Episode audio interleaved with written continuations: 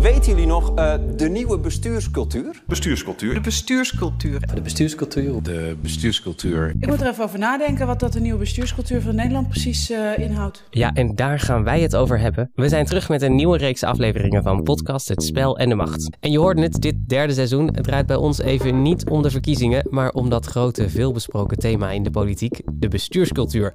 Hoe ontstond onze bestuurscultuur en wie spelen erin een rol? Ik stel dit soort vragen weer samen met politicoloog Simon Otjes. Waar gaan we het nog meer over hebben? Nou, we staan bijvoorbeeld stil bij de waarde van geheimhouding. Hoe transparant moeten of kunnen bestuurders zijn?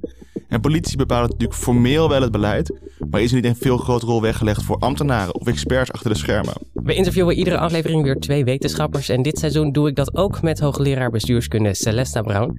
Een ander onderwerp waar we het over gaan hebben is hoe groot is informele macht in de bestuurscultuur? Wordt je invloed bepaald door het aantal stemmen dat je kreeg of kun je met een sterke lobby en een groot netwerk misschien wel meer bereiken? En hoe kunnen oppositie en coalitie zich het best tot elkaar verhouden? Hebben we iets aan scorebordpolitiek of is het beter als de politiek weer gewoon weer lekker saai is? We ontvangen de aankomende weken weer wetenschappers uit verschillende disciplines en van verschillende universiteiten. Zoals communicatiewetenschapper Linda Bos uit Amsterdam, socioloog Brein Oudenams uit Brussel, bestuurskundige Arco Timmermans en jurist Annemarie Draman uit Leiden. Vanaf 8 maart vind je ons iedere woensdagmiddag weer in je favoriete podcast-app. Check dus even of je al geabonneerd bent, zodat je niks mist en dan hoor je ons snel weer. Tot dan!